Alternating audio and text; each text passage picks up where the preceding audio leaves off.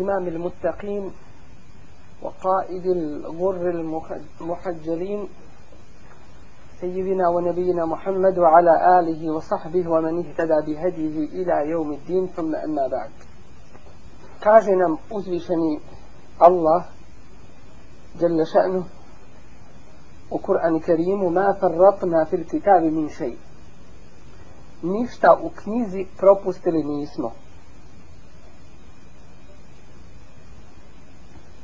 što znači da je uzvišeni Allah tabaraka wa ta'ala pojasnio sve što se tiče nas ljudi našeg života na ovome svijetu i čak prije nego što dođemo na ovaj svijet i poslije nakon našeg odlaska sa ovoga svijeta i kao što je uzvišeni Allah spomenuo u svome kitabu propise našeg života našeg vjerovanja i rada po tome isto tako njegov resul Muhammed sallallahu alaihi ve sellem je to u detalje pojasnio i objasnio ljudima tako da ne bude nejasnoća u cjelokupnom ljudskom životu i tako nas je ostavio na jasnom čistom putu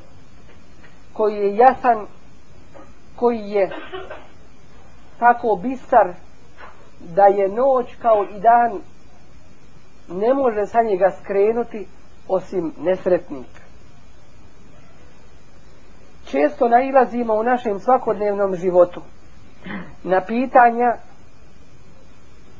o kojima treba progovoriti i objasniti šarijatski sud. Šta nam islam izvorni govori o određenom pitanju. Tako da znamo mi po tome raditi i da znamo drugima prenijeti to.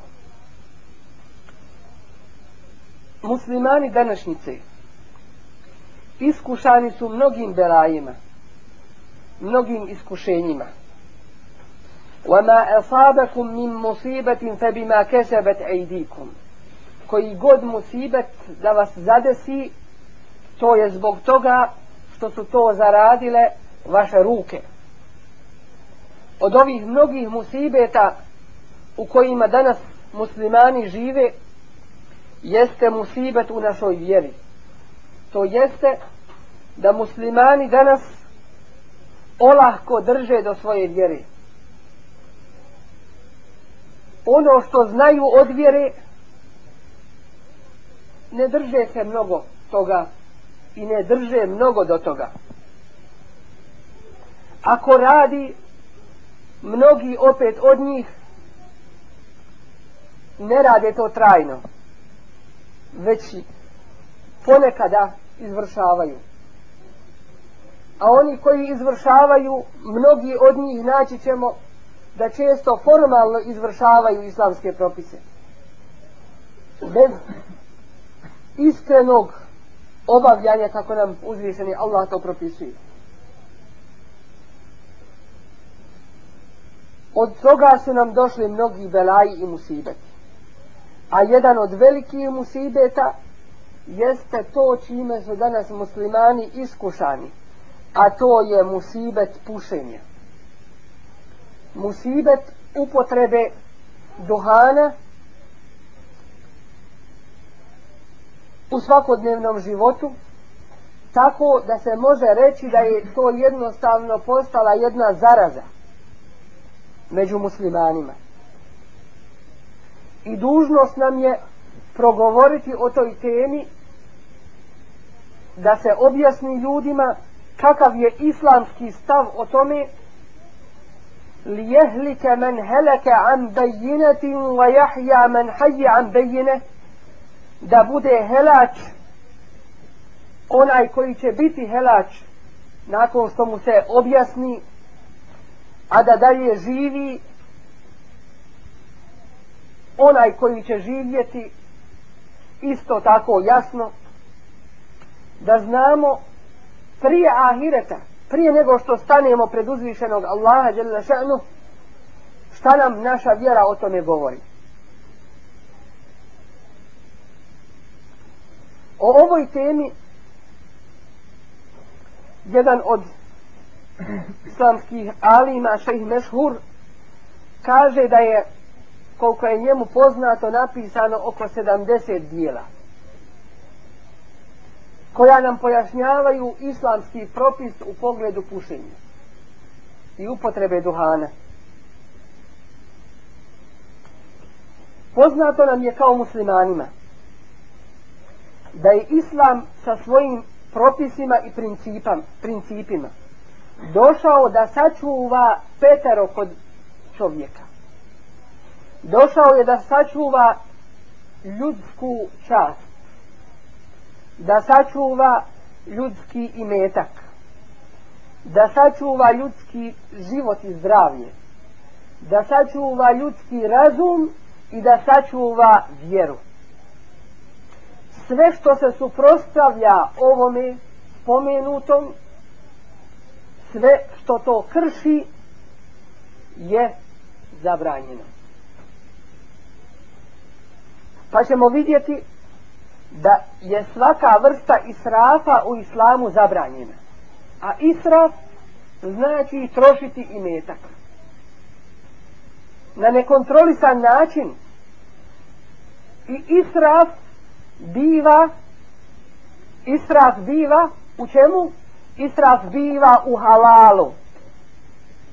A kada govorimo o haramima, onda tu nema mjesta o israfu, jer je to nešto još gore. Zatim, vidjet ćemo da Allah zabranjuje sve što ljudski razum zabacuje i šteti mu. Pa je zabranio alkohol, droge, opojne, pića i droge i sve što ovaj razum uništava. Pa ćemo vidjeti da je zaštitio ljudsko zdravlje i zabranio sve što šteti tome zdravlje. I zaštitio ljudski život. Pa se ne smije ubijati, bigajri hak, bespravno. Vidjet ćemo da je Allah zaštitio ljudsku čast, pa je zabranio ono što ni podaštava ljudsku čast pa ćemo vidjeti da je sačuvao vjeru pa je zabranio ono što uništava vjeru da počnemo redom kao prvo dokazano je da duhan šteti ljudskome tijelu da nanosi veliku štetu i to po svjedočenju ljekara kako muslimana tako i nemuslimana muslimana A Allah nam kaže Fes'elu ehle zikri in kuntum la ta'lemun Pitajte one koji, je, koji znaju ako vi ne znate. A ljekari u pogledu zdravlja bolje znaju od nas koji nismo učili to što su oni naučili. Tako ih pitamo kakva je štetnost upotrebe duhana. Kakva je štetnost pušenja. Pa nam odgovaraju. Doktor Salahuddin, Abdu Rabbin Nebi, specijalista za nervne bolesti u Egiptu, kaže Kada pušač dostigne stepen ovisnosti, negativni uticaj pu pušenja se povećava. Srce gubi sposobnost preciznosti otkucaja, a to se štetno odražava na sami krvni ciklus tako da pušač s vremena na vrijeme ima vrtoglavicu. Dolazi do kontrakcije moždanih vena, a u poznim godinama krvni pritisak se znatno povećava. Organi za probavu i disanje također nisu pošteđeni. Pušač gubi apetit i ima žestok kašanj. U slučaju kada oslabi nervni sistem, pušač osjeti utrnulost i malaksavost, to jeste klonulost udova.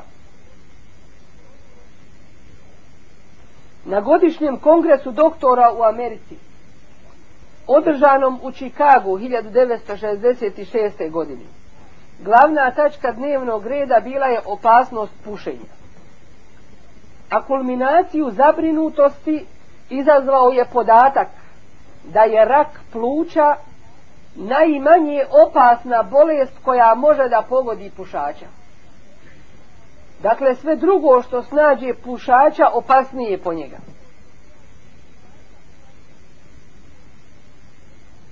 Doktor Edward Killer Hammond, direktor statističkog centra u Americi, pri odsijeku bolesti raka konstatuje da je rak pluća zanemariv u odnosu na druge štetnosti prouzrokovane konzumiranjem duhana. Početkom 60. godina ovog stoljeća broj smrtnih slučajeva izazvan rakom pluća naglo se povećao kod oba pola. S tim što su muškarci znatno brojniji. štetnost pušenja se takođe ogleda u izazivanju drugih opakih bolesti, između ostalih raka na želcu, oboljevanje krvnih sudova, slabljenje vida, kod trudnica može čak doći i do pobačaja. A novorođenče koje se rađa biva sa znatno manjom tjelesnom težinom.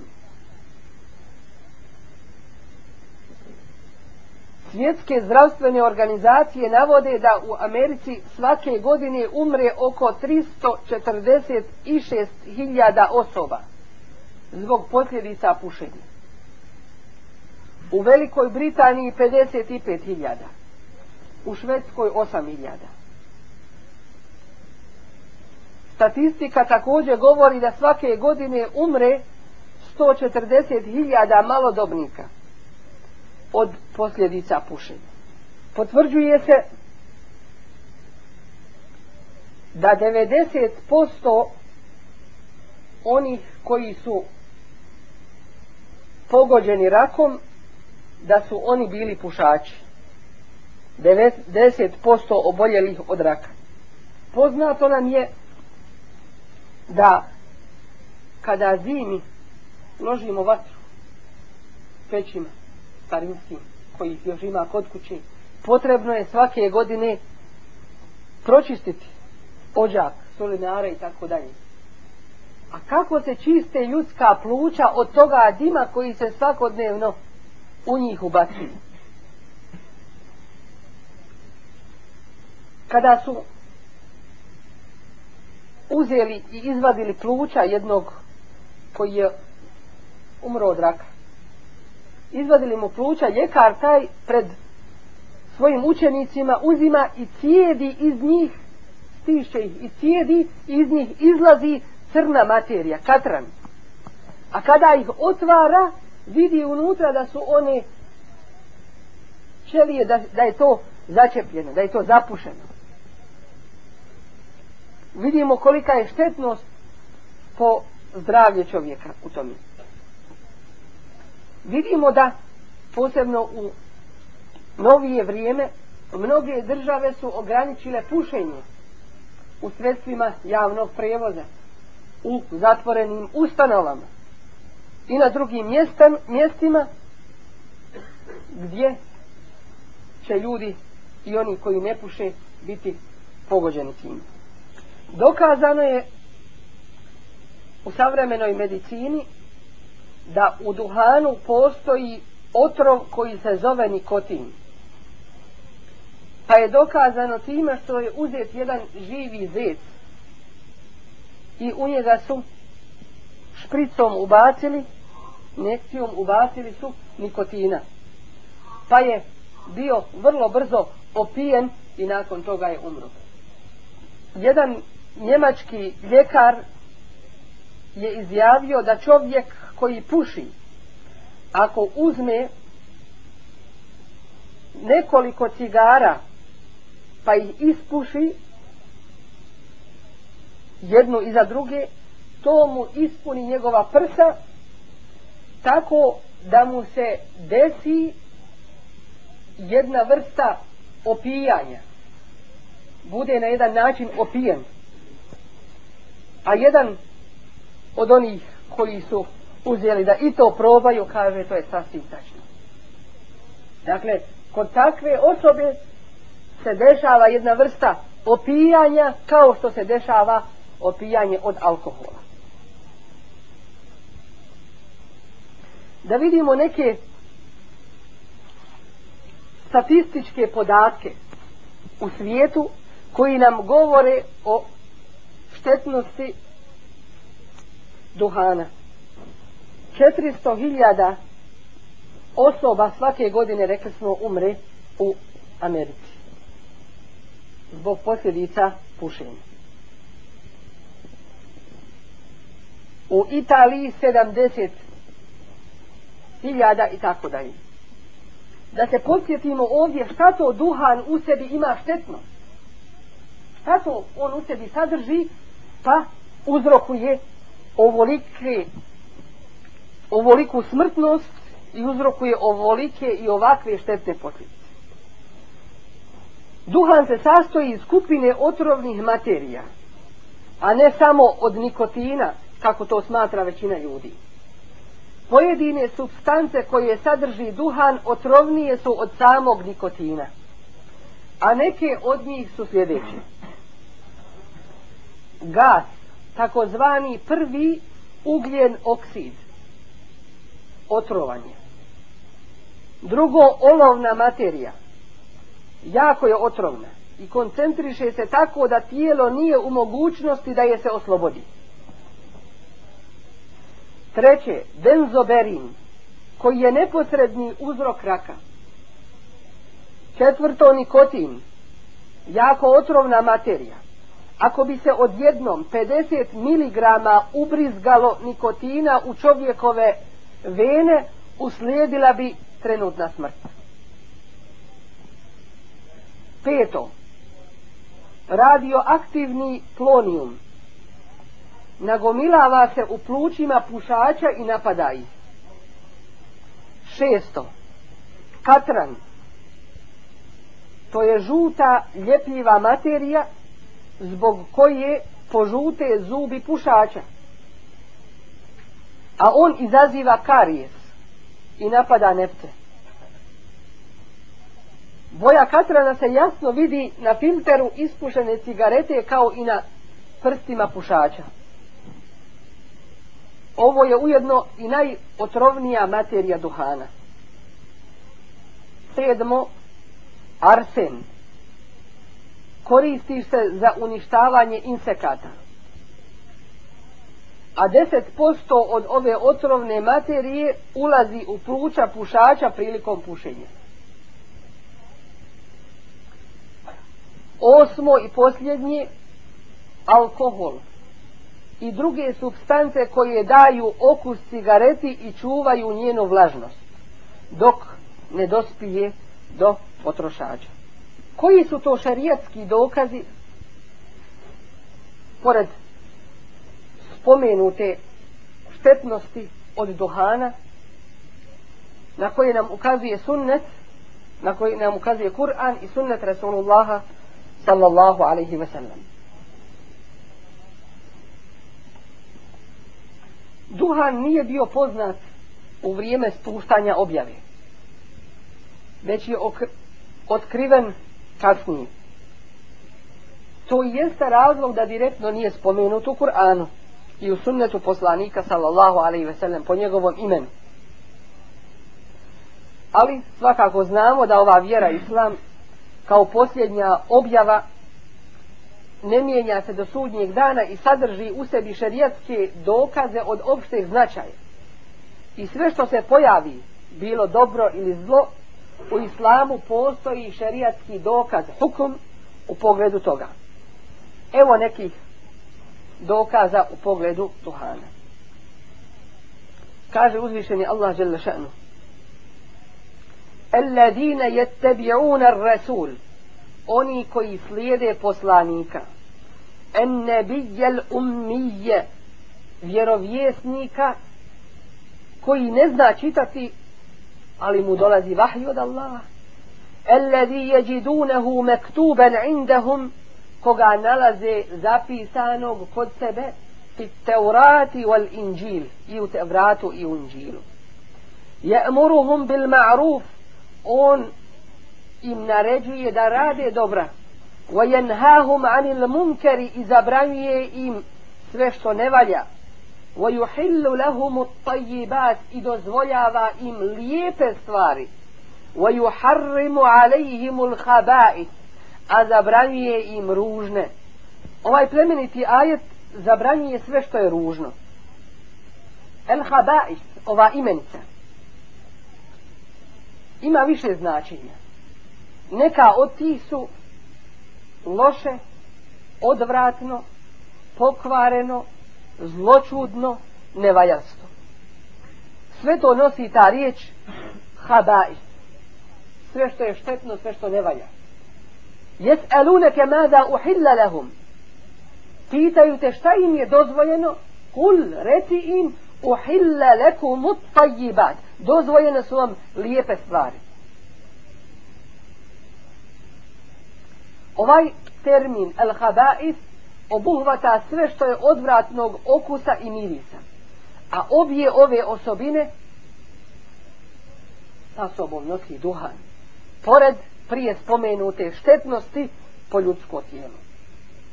Zatim, zatim nam kaže uzvišeni Allah djela še'nu وَلَا تُلْقُوا بِأَيْدِيكُمْ إِلَى تَهْلُكَ Nemojte bacati sami sebe u propast svojim rukama i kaže nam وَلَا تَقْتُلُوا أَنْفُسَكُمْ i ne ubijajte sebe innehu kane bikum rahima Allah je od prije bio prema vama milosti što znači ako neko upotrebljava duhan to znači ako umre i dokaže se da je uzrok njegove smrti bio zbog raka ili neke druge bolesti uzrokovane duhanom, takav se smatra da je sam sebi život oduzeo. Da je učestvovao u oduzimanju svoga života.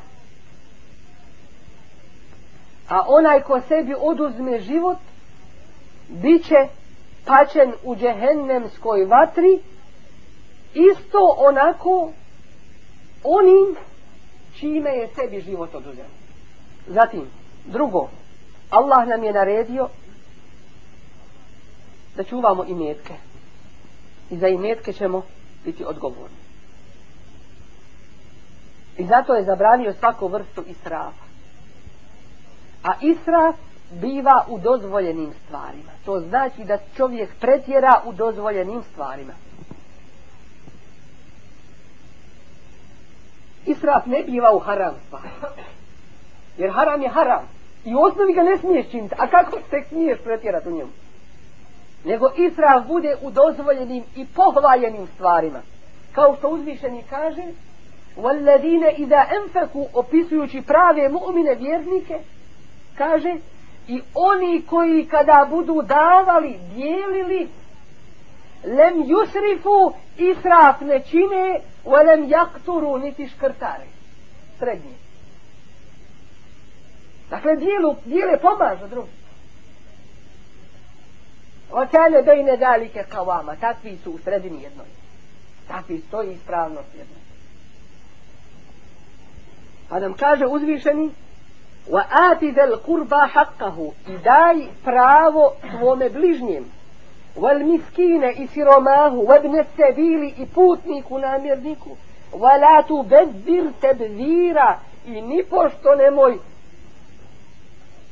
да расипаш у чему да расипаш о оме приспомино да све поделиш па да будеш пукара онда си ти муфтаж посто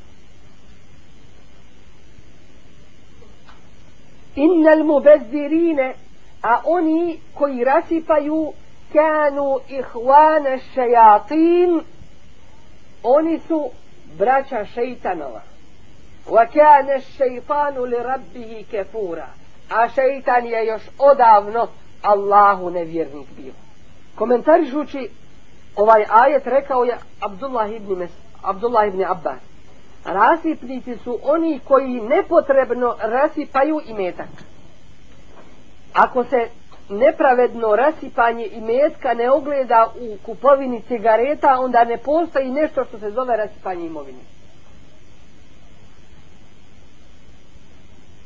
Kada je Ibni Mesud upitan ko su to rasipnici, on odgovara, rasipnici su oni koji nepravedno troše svoj imetak. Koji nepravedno troše svoj imetak.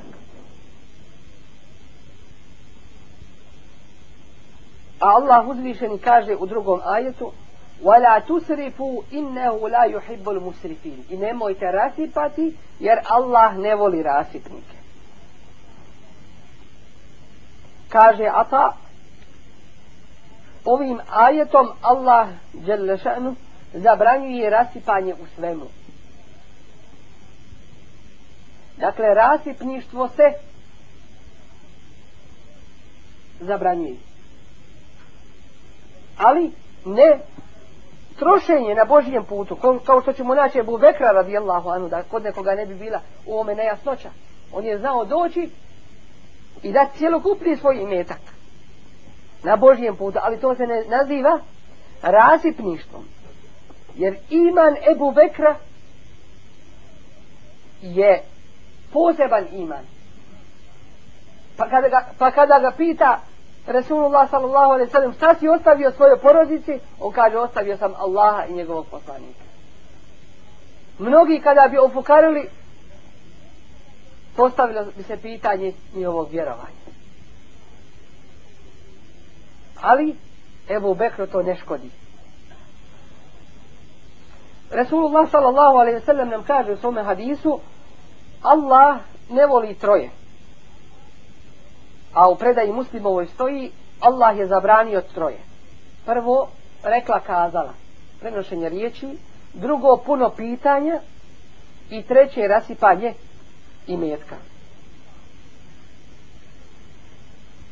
dakle iz ovoga razumijemo jasno da je kupovina duhana i pušenje bez sumnje rasipanje imovine u vremenu kada muslimane snalaze nedaće gladi, kada su obespravljeni, stješnjeni, proganjani, kada im je neophodna pomoć, kada se protiv njih cijeli narodi i države dižu i ubijaju ih i protjeruju, kada im je potrebna pomoć, a naročito materijalne prirode,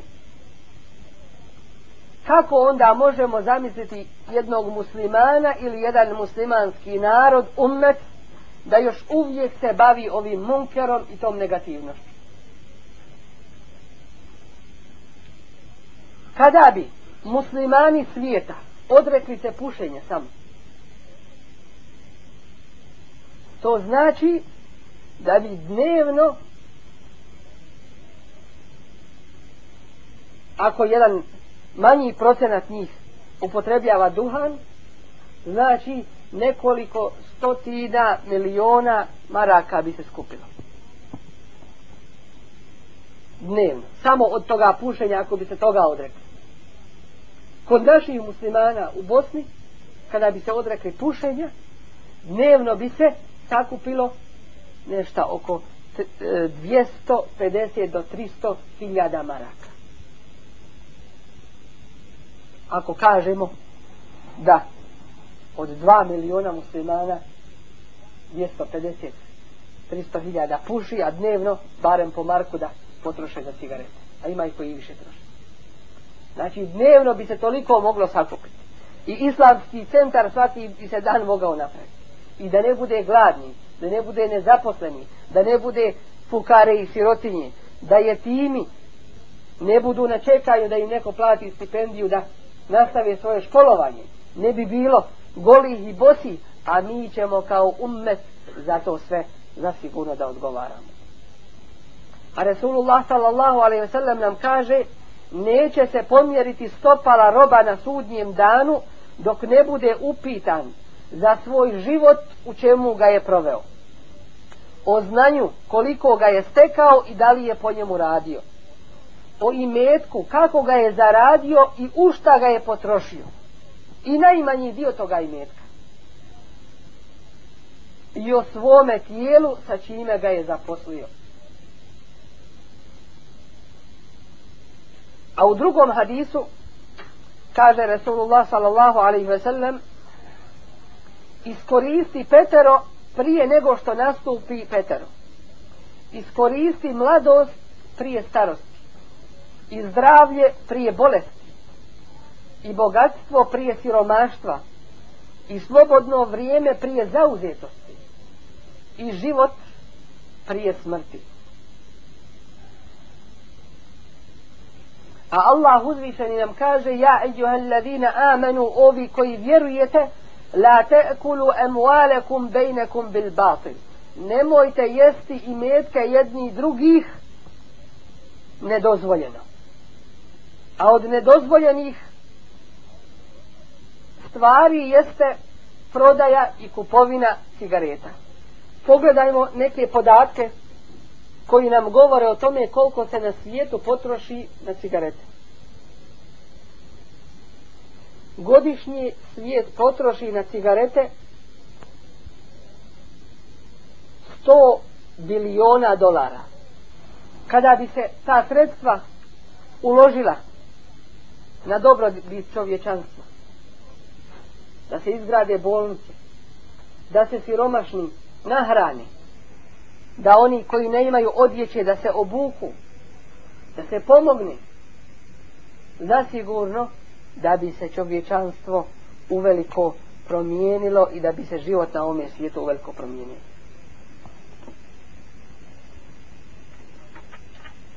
Allah uzvišeni nam kaže dalje ولا تقتلوا انفسكم ان ubijajte sebe ovaj ajet znači i ne ubijajte sebe i ne ubijajte druge jer kad muslimane ubijaš kao da si ubio sebe kad sebe ubijaš ubio si jedan, jednog člana muslimanske zajednice a onaj ko puši ne samo da nanosi štetu sebi nego nanosi štetu i onima koji su u njegovoj okolini prenosi Ubadet ibn Samit i Abdullah ibn Abbas da je Boži poslanik ali sad se selam rekao zabranjeno je štetu činiti sebi a isto tako i drugome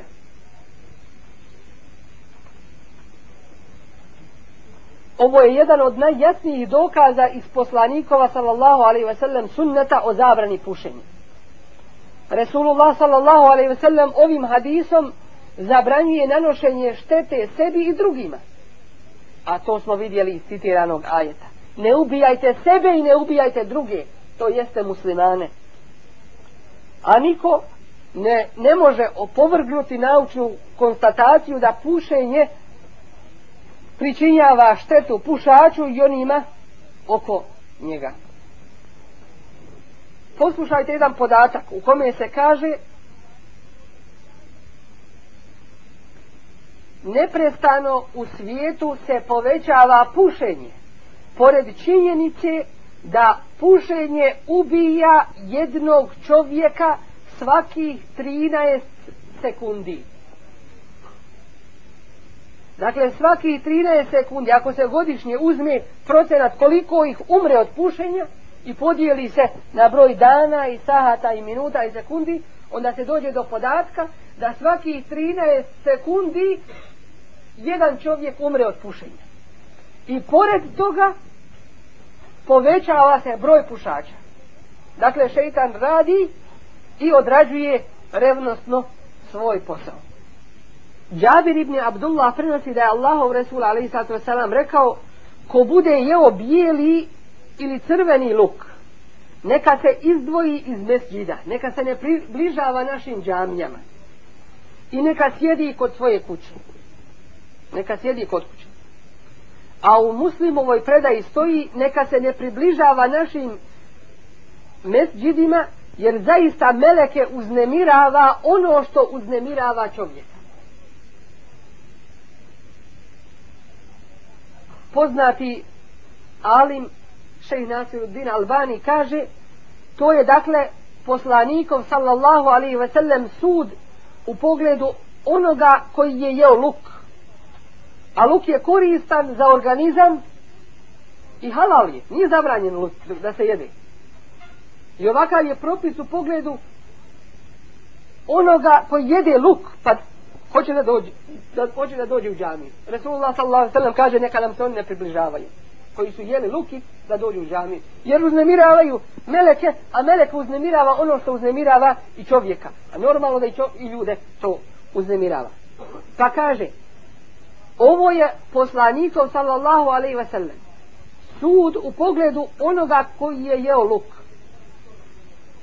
a luk je koristan za organizam i halali i kaže Resul alaihi sallallahu sallam za njega da sjedi kod svoje kući a šta je sa onim koji puši cigarete koje su odvratne i otrovne hoćete li uzeti pouku o razumom obdaren kaže ovaj alaihi razlog zbog kojeg je poslanik ali selam zabranio dolazak u mesdžid onome koji je jeo luk to je neprijatan miris koji ometa klanjače kakav je onda hukum ili propis o pušenju koji je daleko neprijatnijeg mirisa od od luka pušači svojim neprijatnim mirisom uznemiravaju klanjače A to najbolje znaju oni koji je Allah Đelešanu mu sačuvao ovog zla. Ovo je potpuno oprečno sunnetu koji postiče da se klanjač prije polaska u mesđin namiriše najljepšim mirisom. Da očisti mi svakom svoja usta. Prenosi se od El Bejadija da je poslanik sallallahu alaihi ve sellem jedne prilike došao a ljudi su klanjali i dizali svoje glasove učeći Kur'an pa je rekao zaista svaki klanjač tajno moli svoga gospodara pa pazite čime ga molite i ne dižite svoje glasove jedne iznad drugih učeći Kur'an dakle Resulullah sallallahu alaihi sallam zabranio je da klanjač diže svoj glas zato jer time ometa svoga brata koji je isto koji se tako isto obraća uzvišenom Allahu. Iako učenje Kur'ana se smatra među najvrijednije ibadete. Kolika je onda strogost zabrane ometanja klanjača neprijatnim mirisom duhana. Kaže Ibn Abdul Ber. Ako je muslimanu zabrajeno da uznemirava svoga brata učenjem Kur'ana, uznemiravanje na drugi način je još strožije zabranjeno slično ovome kaže i šej Zurkani.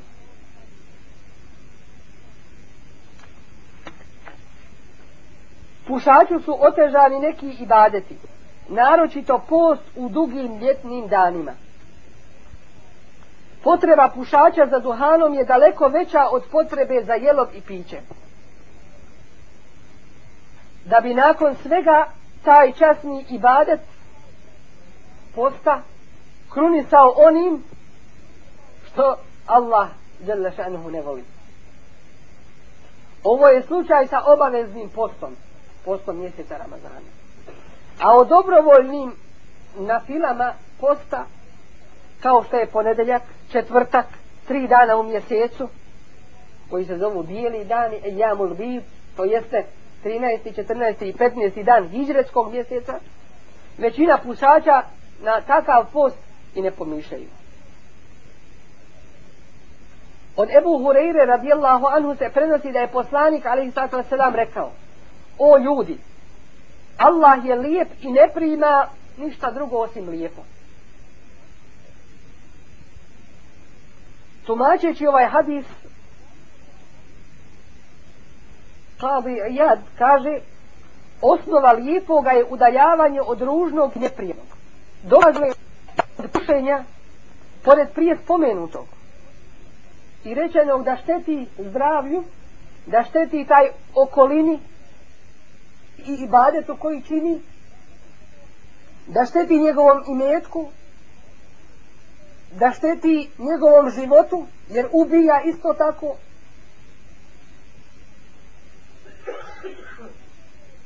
Potvrđeno je da duhan, to jeste njegova upotreba, ima loše posljedice i na ahlak u društvu.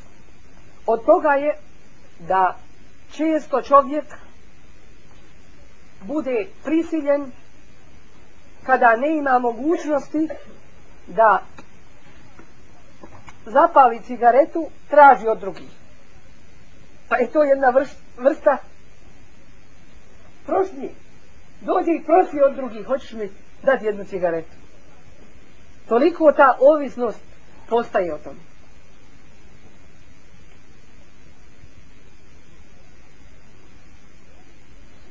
mladić koji puši bude prinuđen da ukrade od svoga oca i od svog komšije da bi kupio cigarete. A sudnice su primijetile da 95% oni koji se bave nedozvoljenim stvarima su pušači.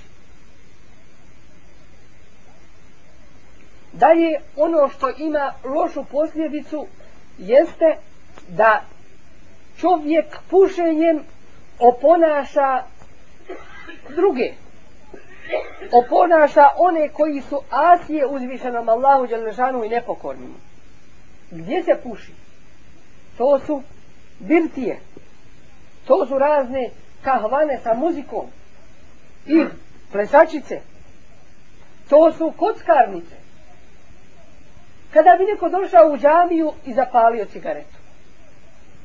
Da li bi to nama bilo normalno? Ne bi nikako. Kako bi to rekao? Šta to radi? Što ne valja? Makar i onaj koji puši. Rekao bi drugom, to ne valja. A zar valja i na drugom mjestu? Jer musliman je musliman i u džamiji i van džamiji. Dalje, zar dolikuje pametnom, a musliman svakako treba da bude pametan, da ono što sada stavi u svoja usta, do sekundu dvije baci pod noge i pogazi. Zar su tvoja usta tako niska i tako bezvrijedna? Usta iz koji izlazi šehadet, usta kojima učiš Kur'an, usta kojima Allah pošalje meleka koji stavi svoja usta na tvoja da uzima učenje Kur'ana kada ga učiš. Zar je to tako kod tebe došlo da ono što držiš u svojim ustima sada do sekundu dvije baciš pod noge izgradiš. Dalje što je dokazano da duhan izaziva nervozu. Pa ćete naći pušače da su nervozni i brzo se naljute i svađaju i psuju i udaraju i njihov postupak sa ljudima je veoma loš i isto tako sa njihovom porodicom posebno u slučaju kada ne imaju duhana ili u slučaju kada poste pa ga ne mogu upotrebljavati onda postaju nervozni i često ćemo naći da prvo čime se iftare neuzubila bude upravo ta cigareta sa haramom isto tako pušač daje svojoj okolini i mlađima posebno jedan loš dert i lekciju. Uči druge toj nevaljalštini. A nema sumnje da nije isto raditi grijeh skriveno i javno. Razlika je velika. Jer za ono javno što činiš, ne samo da ćeš imati odgovornost za sebe, već ćeš imati odgovornost i za druge, što si ih naveo to si bio uzrokom da se oni za tobom povedu. I naći ćemo mnogo djece koja su se propušila, naći ćemo ih da oni pokušavaju imitirati starije. I misle da je to jedna lijepa osobina i da to pametni i mudri radi.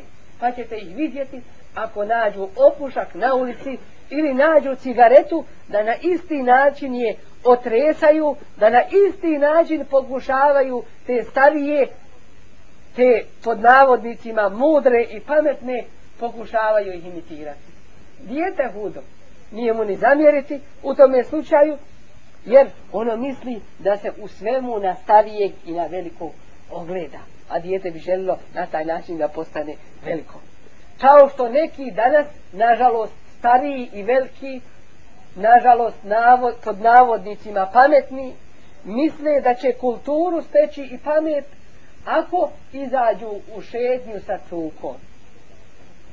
I misle da je to moderno, lijepo. To je pohvalno. Allah je stvorio toga psa da tebi izmet čini. I u dvije situacije možeš ga držati. Kao lovačkog psa ili psa čuvara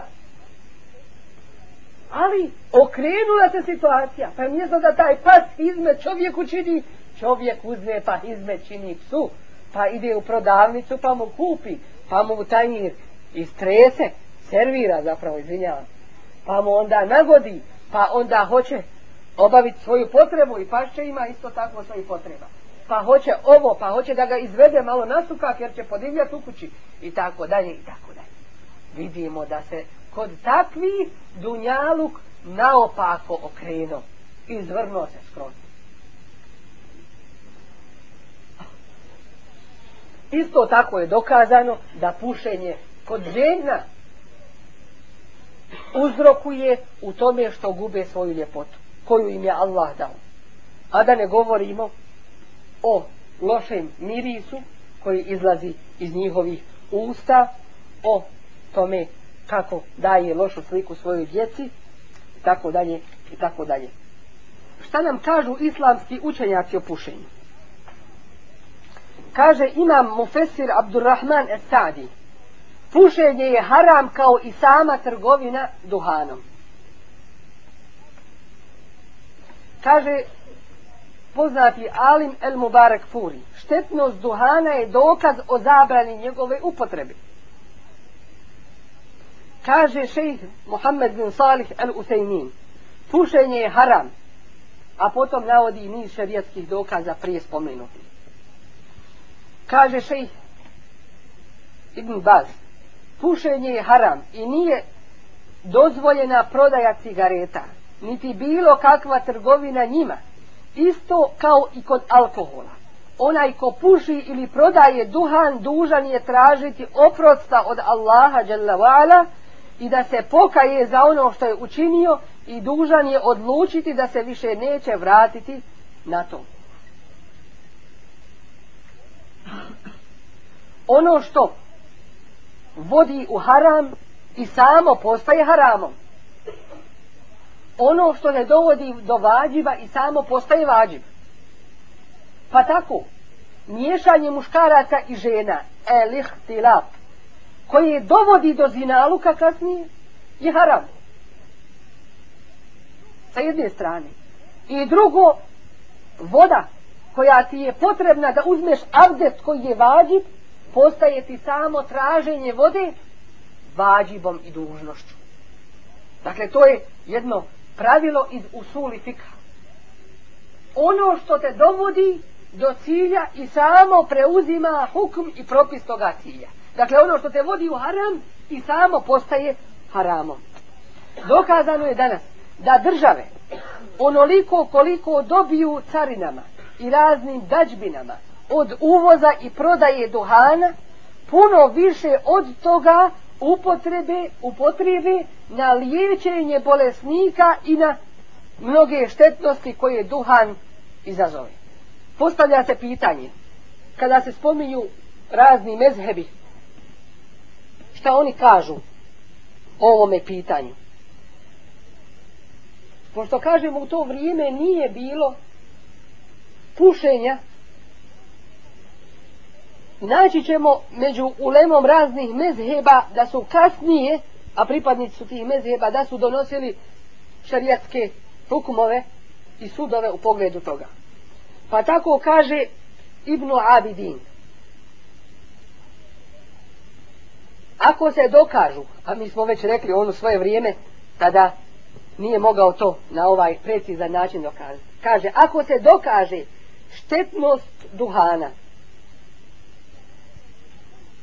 i da u njemu nema koristi, kao što smo vidjeli, fe je džuzul ifta u bitahrimihi. Dozvoljeno je reći da je haram. Po kom mezhebu? Smijetar reći? Po hanefijskom mezhebu. Neka dobro čuju oni koji kažu pa može se, to je mekru. Šta znači mekru? To je pokuđeno, to je nešto što ne valja. To je nešto što, što ne smije se raditi. A kako možemo i šta možemo reći o onome koji je prijedvodnik muslimana kao imam, stanje pred džemat. Loš li je taj imam? I loš li je taj uzor takvim džematlijama. Šafije kažu haram je prodavati duhan. Hanbelije kažu od onoga što je spomenuto od sunneta Resulullahovog sallallahu alaihi ve sellem i govora učenih jasno nam je da je haram pušiti. a malikije kažu nije dozvoljeno da bude imam onaj ko puši da ponovimo nije dozvoljeno da bude imam onaj koji puši da ne govorimo je li dozvoljeno da bude muftija da bude kadija da bude nešto veće i nešto veće bez obzira o kome se radilo ili halifa možda kažu nije dozvoljen imamet onoga koji puši niti je dozvoljeno trgovati duhanom, niti onim što opija. Da ukratko, pošto je ovo dugačka tema, pošto se ovome dugo nije govorilo i mnogi ne smiju progovoriti jer će se to na mnoge odnositi. A dužnost je reći istinu. I dužnost je pojasniti ovu vjeru. A i ovaj govor i ovi šerijetski propisi i njihovo objašnjavanje To je sve od naše vjere. I oni koji ne tumače propise vjere i kriju ih, takvi su na uzubila proklet od Allaha. A oni koji ih tumače, a krivo ih tumače, oni la juflihun, kaže Kur'an. Neće nikada uspjeti. Šta znači neće uspjeti? Ne ima im dženneta a mjesto im je vječno u džehennemu neuzubilo. Krivo tumađi za Allahovu vjeru. To Allahu alaihi wa sallam se kal. Dolazi čovjek Božijem poslaniku alaihi sato wa sallam pa kaže Eusini. Wala tuksir alaije. Lealli ahtam. Boži poslaniće ovasijeti mi. Oporuči mi nešto. Ali nemoj nešto puno, nešto dugo. Da mogu upamtiti šta mi govoriš. A onda mu kaže Resulullah sallallahu alaihi ve sellem La tagdab Nemoj da se srdiš Prenosi Buharija Wa an Suleiman ibn Surd قال استبد رجلان عند النبي صلى الله عليه وسلم ونحن عنده جلوس دويتا يودي جستوكو سي بوزواجاشي كود بوجي بوزلانيك عليه الصلاة والسلام أمي سيديمتو وَأَحَدُهُمَا يَسُبُّ صَاحِبَهُ مُغْضَبًا قَدْ اِحْمَرَّ وَجْهُ A jedan od njih napada ovoga svoga kolegu toliko razljučen da mu je lice pocrvenilo. Kale nebiju sallallahu alaihi ve sellem, a tada reče Boži poslanik alaihi sato sallam. Šta je rekao tada? Kaže, inni le a'lamu kelimeten leu kaleha le dehebe ma jeđit ja znam nešto. Ako ga bude rekao, sigurno će otići od njega ta srđba. A to je, e'udu billahi mine šajtanir rađim. Tražim zaštitu i utočište kod Allaha od prokletog šajtana. Ne ima pušenja, ne ima nečega što bismo mogli nadugo tumačiti.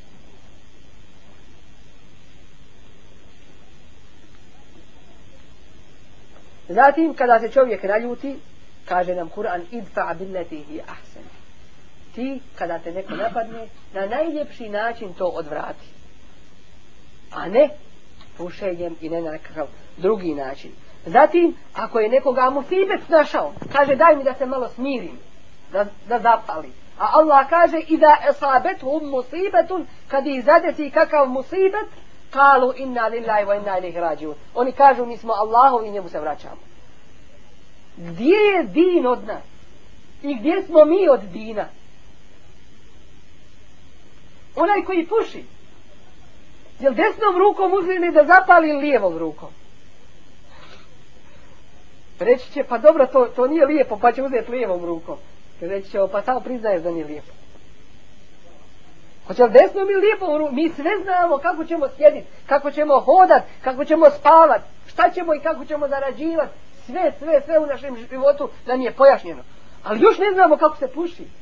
Ne znamo kojom rukom.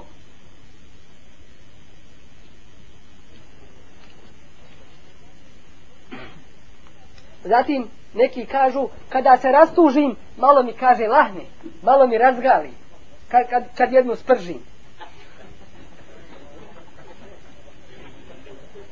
Najgori je musibet onaj koji nas nije najgoriji je musibet onaj koji ljude nasmije toliki je musibet da ne zna insan bil plako ili bi se smio od budalaštine svijetu kaže hadis Resulullah sallallahu alaihi ve sellem koga prenosi Ibn Mesud a bilježi Ahmed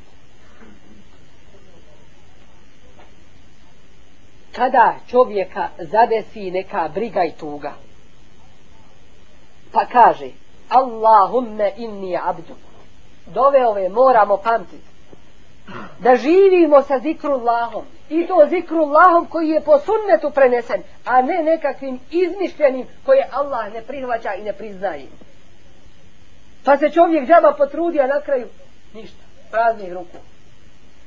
Ovo je zikrullah koji se prihvaća i svaki drugi koji je naveden Kur'anom i sunnetom Rasula alaih sada sada. Allahumme inni abduk, webnu abdik, وابن أمتك ناصيتي بيدك, بيدك ماض في حكمك عدل في قضاؤك أسألك بكل اسم هو لك سميت به نفسك أو أنزلته في كتابك أو علمته أحدا من خلقك أو استأثرت به في علم الغيب عندك أن تجعل القرآن العظيم ربيع قلبي ونور صدري وجلاء حزني وذهاب همي kaže Resulullah sallallahu alaihi sallam, ko prouči ovu dovu, od njega će ta briga i teškoća otići. I ko je prodao, uvjerio se u to. Da ti je ne znam kakav pritisak, teškoća i tegoba, ovu dovu prouči, ovo ti je, što kažu Biri Lađa. Od prve ruke. I nemoj nikoga više pitat nakon Resulullah sallallahu alaihi sallam, što te tome je poučio. Ukratko da kažemo nekoliko riječi kakav je sud islama o onome koji se bavi prodajom, kupovinom duhana i koji radi u fabrici duhana. Kada je pitan šej Salih, Mohamed bin Salih el-Utejmin, današnji veliki alim, da li je dozvoljeno raditi, raditi u tvornici duhana i da li, je takva, i da li se takva zarada računa halalom, on odgovara nije dozvoljeno raditi u tvornici duhana, jer je to učestvovanje u proizvodnji harama. Jer uzvišeni Allah kaže وَتَعَوَنُ عَلَى الْبِرِّ وَتَقْوَ I međusobno se potpomažite u dobročinstvu i čestitosti, u bogobojaznosti. وَلَا تَعَوَنُ Čujte sada zabrani a nemojte se potpomagati ale ismi u grijehu vel udvan i neprijateljstvu vettakullah i bojte se Allaha inna Allahe šedidul iqab a Allah je taj koji žestoko kažnjava dakle imetak zarađen na ovakvim i sličnim mjestima je haram imetak na ovakvim i sličnim mjestima koji je zarađen haram je i bolji je manji mjesečni prihod u kome Allah Đelešanuhu učini bereket, nego više sredstava u kojima nikakvog dobra ne ima. Allah Đelešanuhu ne prima sadaku od takvog imetka. Zato je savjet onima koji rade na takvim mjestima da ih napuste i da se pokaju uzvišenom Allahu Tebareka wa ta'ala, te da potraže halal obskrbu. A onaj ko se bude Allaha bojao, وَمَنْ يَتَّقِ اللَّهَ يَجْعَلْ لَهُ مَخْرَجَ Ko se bude Allaha bojao, da će mu izlaz, وَيَرْزُقْهُ مِنْ حَيْثُ لَا يَحْتَسِبْ I obskrbit će ga odakle se i nenada, وَمَنْ يَتَوَكَّلْ عَلَى اللَّهِ فَهُوَ حَسْبُ Ako se na Allaha osloni, on mu je dovoljan. I nekoliko samo riječi i savjeta onima koji puše kako da se toga kutarišu i oslobode. Kao prvo, da se zareknu uzvišenom Allahu Đalešanu, da će napustiti taj haram. Dalje, da zamole uzvišenog Allaha Đalešanu, njegovim lijepim imenima i savršenim svojstvima, da im on olakša na puštanje toga harama. Jer onaj ko bude radio jedan haram, pa te ove dođe od njega, pa se pokaje i zamijeni te harame dobrim dijelima, radi dobra dijela na mjesto toga, Allah mu te grijehe pretvara u sevabe. Pa neka se niko ne zavara da kaže pa ja ću grijeha zaradit dosta, pa ću na kraju se pokajat da mi se to pretvori u sevabe. Ti ne znaš koliko će živjeti.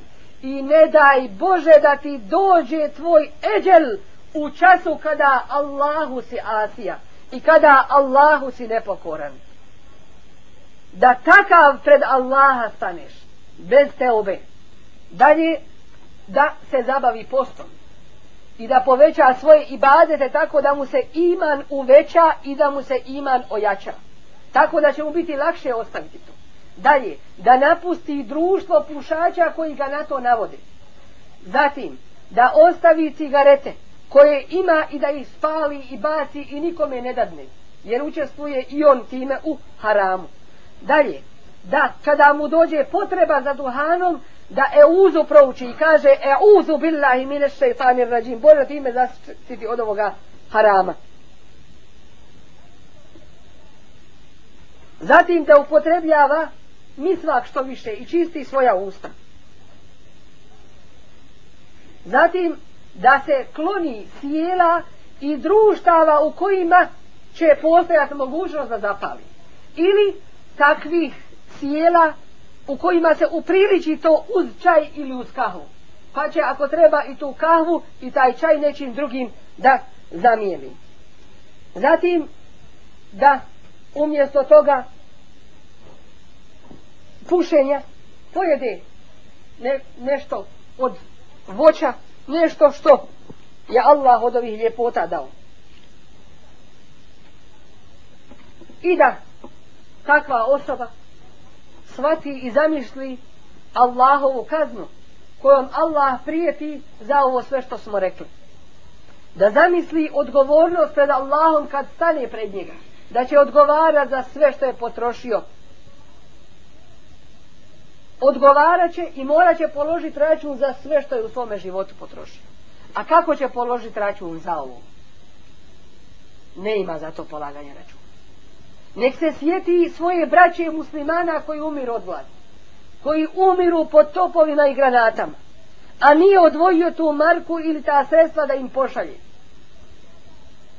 Neka se sjeti da tada šeitan prisustuje tome duhanu. Jer šeitan voli pušenje i smrati jer šeitan voli taj din jer ga šeitan na taj način čini da kiburi se da se oholi da osjeća da je veličanstven neuzubila a veličanstvo pripada jedino uzvišenom Allahu Đelešanu onaj pužač koji je tim iskušan dobro zna šta osjeća u tome trenutku dobro zna da osjeća neku veličinu osjeća nekakav ponos neuzubila Neka se takva osoba sjeti Allaha uzvišenog. I neka zna kada bi mu smrt došla u tome trenutku, kakav će pred Allaha. Resulullah sallallahu alaihi ve sellem, kao Boži poslanik, kada je bio na smrtnoj postelji, pa jedan od ashaba uđe njemu sa mi svakom, on na išareti pa mu, a iša radijallahu anha, uzje taj mislak, pripremi mu ga, pa očisti svoje zube mi svakom i svoja usta. Da čisti usta pred Allaha stane i dođe. On kao Resulullah sallallahu alaihi ve sellem, koji je odisao mirisom i ljepotom. Onaj koji puši neka se sjeti onih jetima kojima je uskratio to. Neka se sjeti stajanja pred uzvišenim Allahom i odgovornosti pred njim. Neka se sjeti svoje odgovornosti na spramove vjere. I zar može biti na jedan trenutak bezbrižan i da što kažu pusti svoju pamet na pašu? Zar može tako biti jedan musliman? Zar može jedan musliman biti od onih koji su u gafletu, a Allah nam kaže وَلَا تَكُمْ مِنَ الْغَافِلِينَ A ne budi od onih koji su u nemaru, koji su nemarni, koji su bezosjećajni, koji hoće da uživaju na ovome svijetu, koji misle da je ovaj svijet podređen njima za užitak. Neka se Allah uzvišeno takvi poboje i neka se svijete stajanjem pred uzvišenim. Ko se Allaha bude bojao, Allah će mu pomoći. Ako bude pustio šeitanu uzde, ne uzu bila, može ga odvesti u puno gore od onoga u čemu se već našao. Molimo uzvišenog Allaha Đelešanu njegovim lijepim imenima, njegovim savršenim svojstvima. Da naš umet oslobodi i kutariše ovog velikog belaja u kome smo se našli. Da nas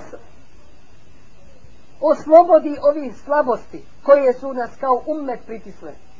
Da nas ojača u našem imanu. Da nas pomogne u svakome hajru kako bismo čistog i svjetlog obraza stali pred njega uzvišenog Tebara Kaotala.